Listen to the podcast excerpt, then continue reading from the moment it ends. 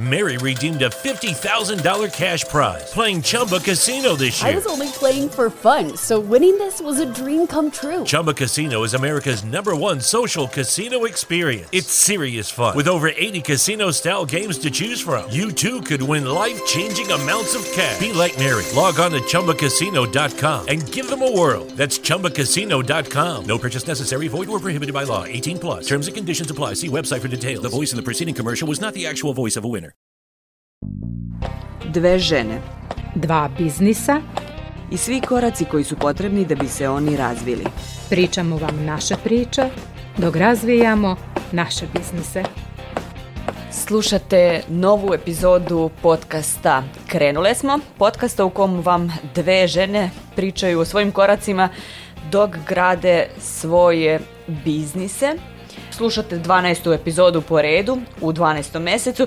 Mislim da je ovo super za kraj da zaokražimo ovu godinu i da je sumiramo, a kako drugačije i da je završimo nego kao i svi u državi uz razgovor o financijama. Danas pričamo o financiranju mikropreduzeća, ali i zašto je budžetiranje važno ne samo u poslovnom svetu, već i u privatnom. Ja sam Aleksandra iz Fabrike kreativnosti. A ja sam Vladimira iz VDV Medija. I ponovo moje iskustvo u istraživanju teme, mislim da svaki put o, o tome pričam, svaki put doživim nešto interesantno dok pravim ovaj podcast. Shvatila sam da se fabrika kreativnosti ne uklapa skoro pa ni u mikropreduzeća, koliko je još uvek to sve tako malo i, sami troškovi i udruženja i medija su mali, prilivi su mali. Doduše, to jeste trenutno tako zamišljeno kao neki mali krug, ali to ne znači da ne postoje troškovi o kojima treba da vodim brigu.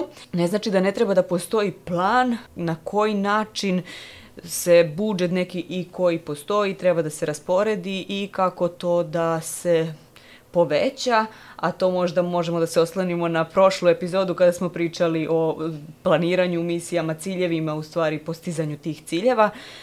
Možda je i to jedna stvar na koju treba da obratim pažnju, a to je da u stvari malo budžetiram stvari i malo težim ka tome da to sve pojačam da ne budem zadovoljna samo u tom malom krugu u kom jesam trenutno, mada sam trenutno zadovoljna sa tim, mislim da ne bi mogla kako, ili želela da ishendlujem možda veće te prinose, rashode, prihode i, i, i tako to. Kako je stanje u VDV medija kada su budžeti u pitanju? Kako je on koncipiran? Pa svakako ja svakog meseca imam te stvarne troškove i poreze i doprinose koje moram da platim. Da li je to COVID godina ili ne, tako da moram o ovome da vodim računa, ali ni ja nisam ekonomski osvešćena pretuzetnica, strašno je to reći, ali to svakako jeste. Tako već hiljadu puta smo o tome nas dve pričale kako smo uvek ono više kreativne nego da. praktične, ali ja sam posebno na početku ove godine osvestila ne sama, nego su mi drugi ljudi pomogli da skontam da je važno konačno da stavljam na papir koji su moji rashodi, a koji su moji prihodi, da bih mogla da znam koliko vredim. Mislim, uvek sam ono, kao se trudila da zaradim toliko da pokrijem te mesečne troškove poreze i doprinose, da ne budem dužna državi. I to sam uvek ganjala, ali nisam imala neki plan kako normalno da do toga dođem i kako da dođem konačno do neke zarade koja je isplanirana, ne onako ad hoc kako mi ne, ono, nešto padne sa neba, nikada to nije padalo sa neba naravno, ali nisam stavljala ništa na papir, Ponovo ću spomenuti program u kojem smo bile i ti i ja, koji je sprovodio NDNV, Nezavisno društvo novinara Vojvodine, kada su mi u stvari dvoje ljudi ono rekli kao u fazonu moraš da napraviš taj biznis kanvas i u stvari deo biznis kanvasa jesu i prihodi i troškovi i u suštini tu kad sam napisala sve što je moj taj neki trošak, prihod manje više lakše sam e, zapisala, onda sam u stvari skontrolala skontala koliko ja apsolutno ne razmišljam o ovome, a voditi biznis i ne razmišljati o budžetu je malo smešno, najblaže rečeno, tako da sam malo drugačije krenula da gledam na sve to. Ono što mogu da kažem da od samog početka, to je već pre skoro tri godine, dve i po godine, sam vodila dva važna dokumenta, odnosno dve tabele, tako da kažem. Jedna je knjiga KPO e odnosno knjiga o ostvarenom prometu koji po zakonu ja kao paušalna preduzetnica moram da vodim, ali to je promet, znači to su uglavnom prihodi ali rashode sam malo ono drugačije gledala i kao, za, baš zato što sam paušalna preduzetnica, ne moram da pravdam sve žive rashode i mogu da podignem pare sa, naravno, određen iznos novca kada želim, samog poslovnog računa, tako da nisam mnogo o tome razmišljala, ali odmah nekako na startu moj suprug koji je ekonomista mi je rekao napravi u Excelu tabelu i vodi barem to osnovno kad odeš na poštu da nešto pošalješ a tiče se tvog biznisa uvedi i tih 20 dinara ako si potrošila jer samo tako ćeš znati koliko u suštini ti trošiš, a šta ti ostaje kao zarada. Tako da, eto, na prvu loptu to je moje iskustvo sa budžetom. Naravno da je budžet projekcija mesečnih prihoda i troškova, to, to je jasno, isto kao što ima država budžet, isto kao što ima udruženje, isto kao što ima jedna porodica budžet, tako mora naravno da ima budžet i, i biznis jedan. Baš smo i na početku spomenuli da ćemo pričati i o privatnim prihodima. Ja tu možda imam interesantnu, hm, recimo, anegdotu. Uvek sam jako htela da imam šansu da odvojim nešto sa strane od svih tih primanja koja dobijam. Nisu, kako da kažem, neki veliki, ali dolaze sa više strana. I onda se desilo da u suštini nisam upisivala, već sam samo tako zabacivala određene sume novca i onda je ispalo da jedna moja kutica koju sam koristila za neki nakit, nema nakita, ima nekih para od kojih ja ne znam, znam da su moje, ali nemam pojma odakle su mi došle. Znači ja uopšte nisam kao računala šta je, gde je, kako, odakle je došlo. Mislim super je zato što sam uspela da uštekam, to mi je bio i cilj. I onda sam shvatila da ja prosto moram na neki način da vodim tu evidenciju šta je odakle, zašta se troši, šta ide od ne znam prvog dela plate, od drugog dela plate, Čak sam otvorila još jedan račun koji mi je, kako kažem, račun za štek, čisto da ne moram da, ne znam, odlazim u banku, već samo sa svog tekućeg računa na kojem mi ležu sva primanja, ja prebacujem pare i onda mi je taj šteg, onda ja ne moram da imam po kutijama, ne znam, te pare. Uvek se setim da u mom selu, dakle, dolazim, e, pričaju da stari ljudi sklanjaju pare u, u jastuke ili u deke ili tako nešto. Nisam baš u dekama imala, ali skoro tehnički, informatički sam pismena, jako je glupo da tako štekam negde pare i da ne vodim računa o tome. Tako da sam počela o tome da vodim računa. Tako treba u stvari kada je biznis u pitanju, zato što e, sam shvatila da ja negde samo pretočim pare, što je okej okay sada na početku. Mislim, ja sam zadovoljna time što Eh, imam za te neke osnovne troškove koji su mi važni, ali sam isto tako shvatila da neke druge stvari uopšte ne računam u, u to, na primjer kao što su takse za registraciju medija, što se desilo da sam ja dva puta morala da podnesem prijavu, iako sam imala pravo da platim umanjen iznos, to nisam ispratila zato što sam tada bila bolesna i izgubila sam to pravo, znači ja sam morala ponovo i došlo do toga da nisam platila tu taksu koja je, ne znam, mislim 2800 dinara, već sam ja to duplo platila. Znači, mene registracija duplo košta, jer sam ponovo svu e, dokumentaciju koja je bila nešto i moralo da se overi i sve to. Znači, prosto sam morala da platim. To su sve rashodi koje potpadaju pod prosto udruženje koje sam ja tako računala da ne znam, to nije bitno ili ne znam nija šta.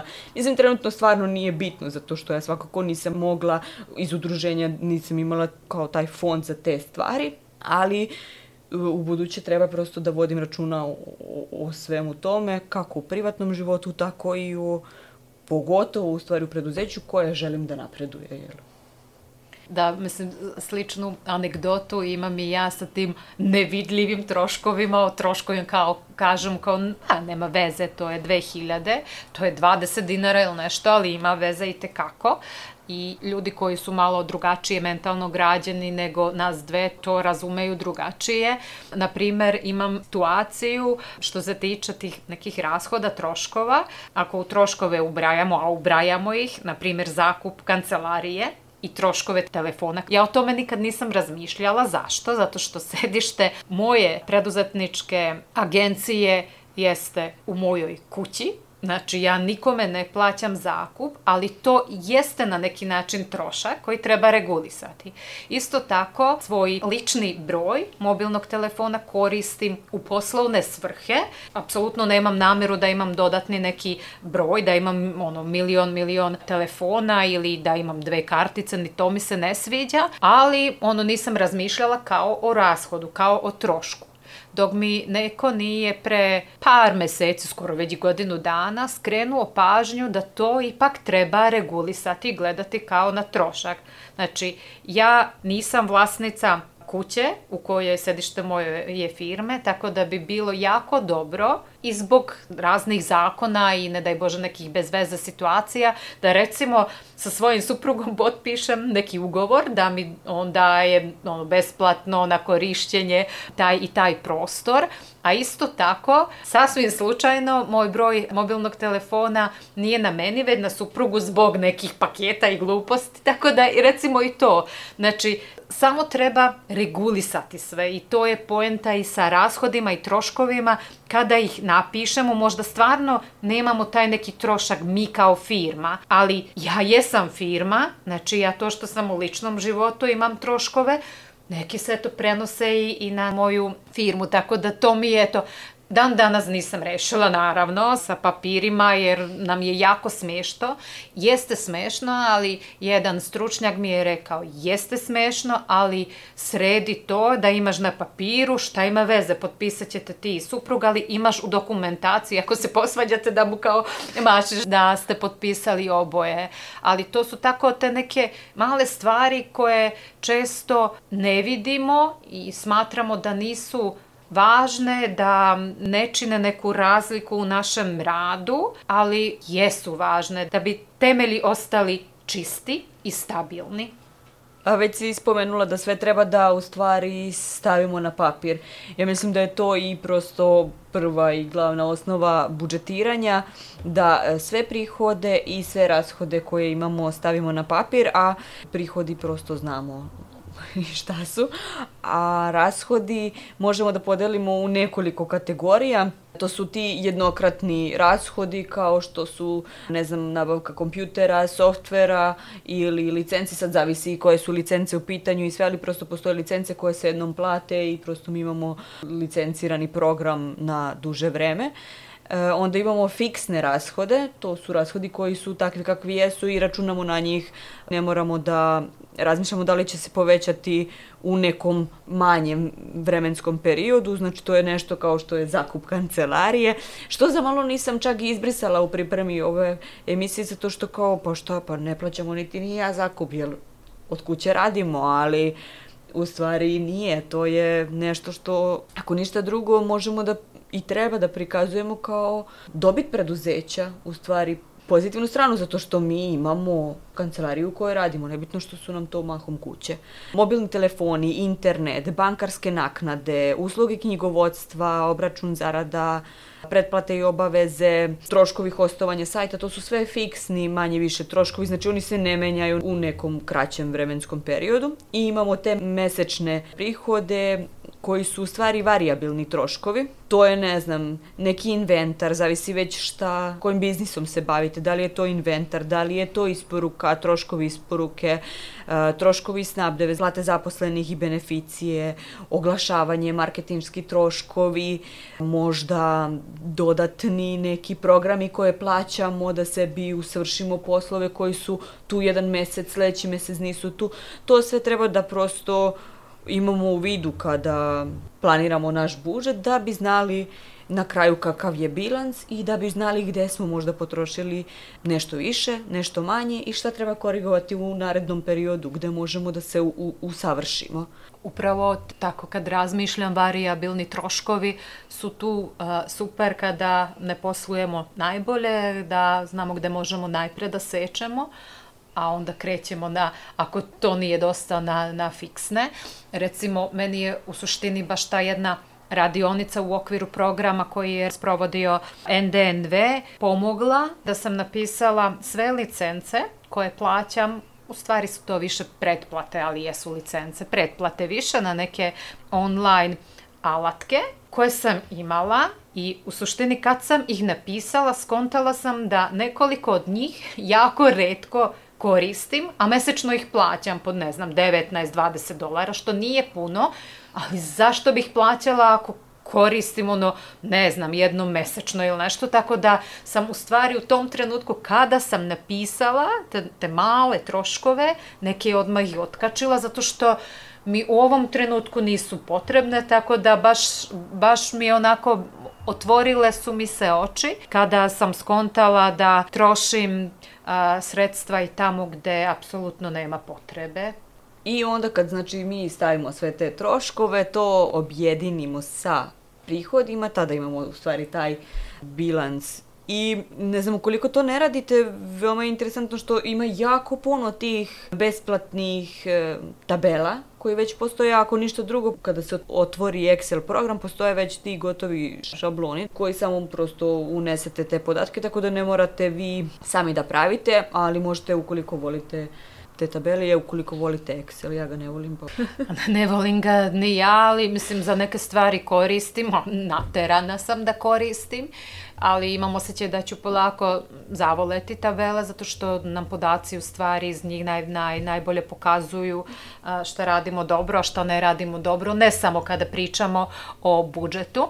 Ono što, ja ne znam na šta se ti vadiš kada razmišljaš o tome da još uvek nisi baš neki budžet napisala i da baš ne vodiš, ne znam, kakvu evidenciju. Ja još uvek skroz ne vodim dobro evidenciju. Ja se uvek vadim na to da sam paušalna preduzetnica i da nemam knjigovođu i sama sam za sve i jako mi je ono to teško i to me smara i to me smo to nam je bila jedna od tema i to onako stavljam na stranu kao neću to sad uraditi, ali ni to nije izgovor, apsolutno nije i nadam se da baš kao što ćemo možda osvestiti neke od vas da ćemo i same sebe osvestiti i mislim moramo ni da koristimo te postojeće e, šablone možda je dovoljno da same napravimo u najobičnijem Wordu napravimo tabelu ako nam je tako jednostavno ali jednostavno da vodimo da pratimo same sebe naša preduzeća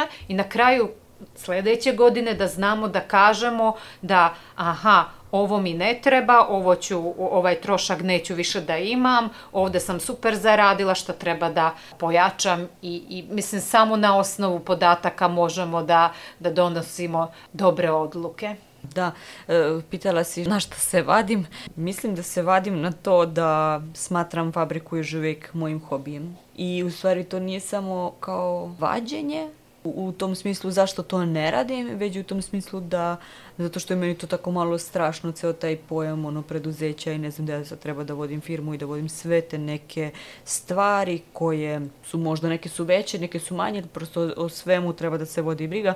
E, to mi je već onako malo strašnije, pa je to verovatno to. Ali shvatila sam da sa svakom temom koju radimo u stvari, ja naučim nešto novo i naučim gde možda grešim ili šta treba da uvedem ili na koji način to da primenim, odnosno da promenim nešto što sam već radila na neki drugačiji način koji je bolji, tako da mi je sve u svemu jako drago što radim ovaj podcast, makar zbog toga što skontam šta ne radim dobro, i nadam se da ću to i promeniti. U stvari i menjam te sve te neke stvari, tako da je to dobro. Još samo da se ohrabrim na neke malo veće korake, ali to ćemo u sledećoj godini. Upravo to što si rekla i ja svaki put kad obrađujemo neku temu, možda deo neki implementiram pre nego što ono, odlučimo o kojoj ćemo temi pričati, uh, ali najčešće je da je taj procenat jako mali i čim malo više istražimo i popričamo i čujemo neki dobar savet, onda se trgnem i bar ono napišem na taj papir to nešto što mi ne valja i probavam eto da detektujem u ovom trenutku ću gledati ja da detektujem normalno koji su mi troškovi prihodi bili ove godine pa da napravim malo bolji plan za sledeću godinu. Pre nego što odemo na savet stručnjakinje, u istraživanju ove teme videla sam nekoliko saveta koji su meni bili jako interesantni kada je budžet u pitanju, a to je prvo pravilo u stvari jeste da budemo fleksibilni, pogotovo kada smo na početku. I, na primjer, moja drugarica koja je sad već ima preduzeće šest godina i to preduzeće jako dobro posluje, ali ona je baš bila jako izrečita u tome da ne očekuje, pogotovo u prvoj godini, nikakvu, nikakvu zaradu, ništa, samo da bude na nuli ili blizu nule.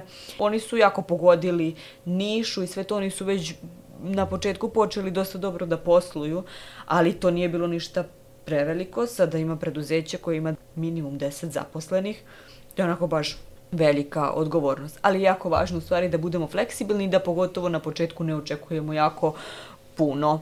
Takođe, jako je važno da se vraćamo na taj budžet i na planirani budžet, da ga revidiramo, da prosto vidimo gde smo pogrešili prošlog meseca ili kako možemo da ispravimo ovaj mesec. I veoma mi je interesantno bilo savjet da imamo budžet u fondu za hitne pomoći. U smislu neke stvari koje se dese na koje nismo računali, da prosto možemo da ih pokrijemo, da sebi ne pravimo rupu u budžetu.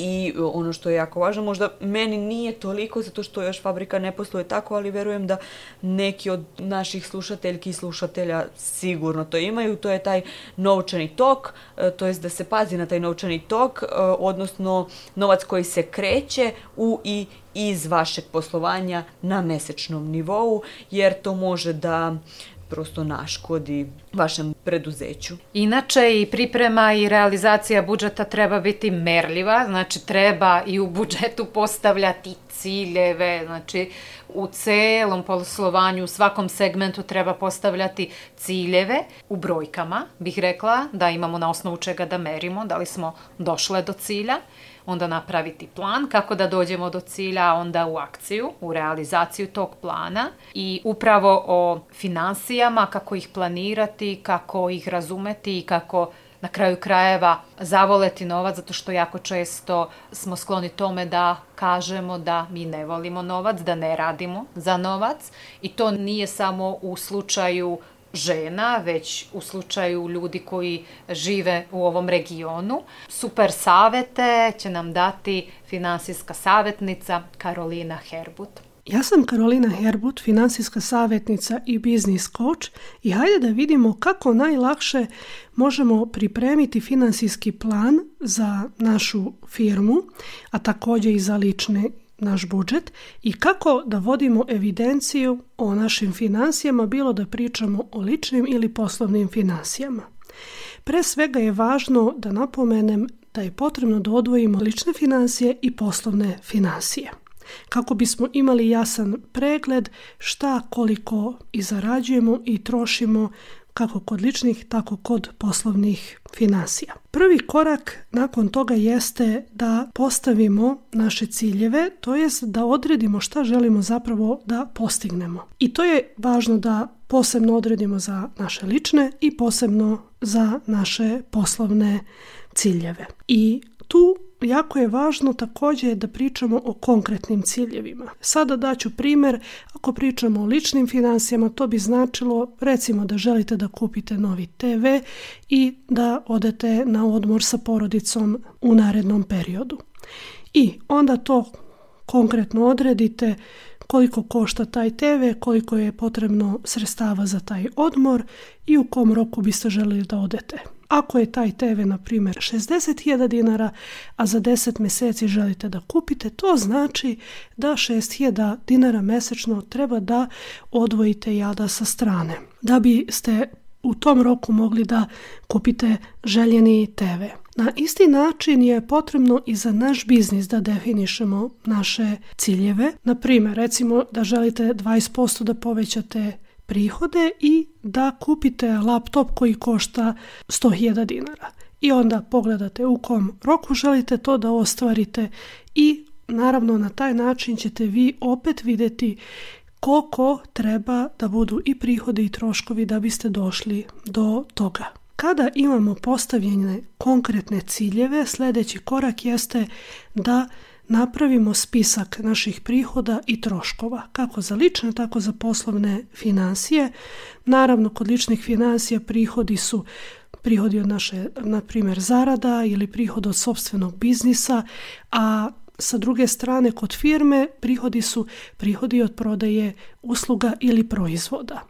Sa druge strane troškovi su raznovrsni. Kod ličnih financija naravno imamo za ishranu, za prevoz, gorivo, brigu o deci, odeću i tako dalje, dok kod poslovnih financija i kod našeg biznisa imamo trošak marketinga, zarade, trošak za nabavku materijala, knjigovođu i brojne druge troškove. Ono što je jako važno, pogledajte prethodnih par meseci, a možda i godinu unazad koje sve troškove ste imali i onda je jako važno da napravite za jedan mesec, jedan tipičan mesec kako izgledaju vaši prihodi i koji su vaši troškovi po onim grupama prihode i troškove koje imate. Kada imate ovo zapisano, onda je potrebno da se setite onih ciljeva koje ste takođe zapisali i da na osnovu te dve informacije napravite plan. Dakle, koliko treba da vaši prihodi budu i kako treba, u kojim okvirima da budu troškovi, da biste mogli da odvojite novac za vaše ciljeve. I toliko je to jednostavno. Ono što je jako važno kada napravite takav plan jeste da krenete obavezno i da beležite svoje i prihode i troškove i da to radite redovno.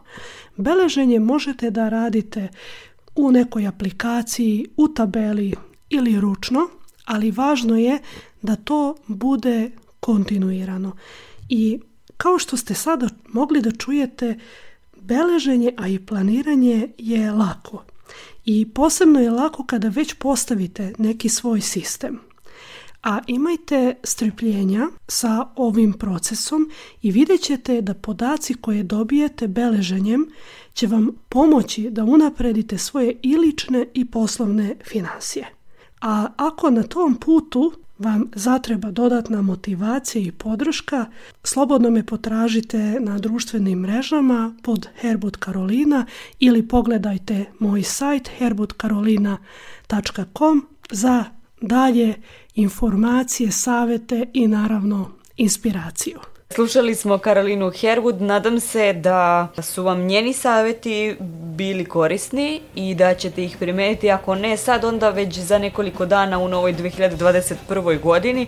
Ja znam da smo mi, kako Vladimira voli da kaže, osvestili cijelu tu potrebu u stvari za budžetom i da ćemo u sledećoj godini malo više voditi računa o svemu ovome, tako da nadam se da vam je bila korisna i ova epizoda podcasta krenule smo. Ako jeste, podelite je na Facebooku, na Twitteru, na Instagramu. Pošaljite nekome kome će biti interesantna, nekome ko je možda otvorio neko preduzeće i ko možda muči muku isto kao i nas dve u vezi sa budžetom. Pratite nas, šerujte nas, lajkujte nas, pišite nam poruke, komentare, primedbe na kraju krajeva jer smo otvorene i za konstruktivnu kritiku na Facebooku i na Instagramu. Aleksandru ćete naći na Instagramu kao F kreativnosti, mene kao VDV medija, a na Facebooku fabriku pronalazite kao Fabrika kreativnosti, a mene kao vdvmedia.srbija.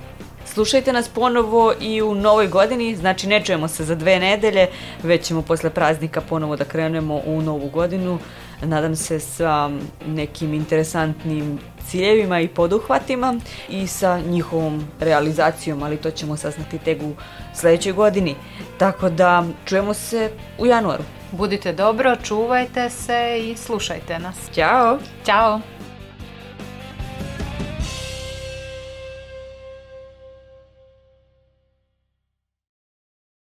Mary redeemed a $50,000 cash prize playing Chumba Casino this year. I was only playing for fun, so winning this was a dream come true. Chumba Casino is America's number one social casino experience. It's serious fun. With over 80 casino style games to choose from, you too could win life changing amounts of cash. Be like Mary. Log on to chumbacasino.com and give them a whirl. That's chumbacasino.com. No purchase necessary, void, or prohibited by law. 18 plus. Terms and conditions apply. See website for details. The voice in the preceding commercial was not the actual voice of a winner.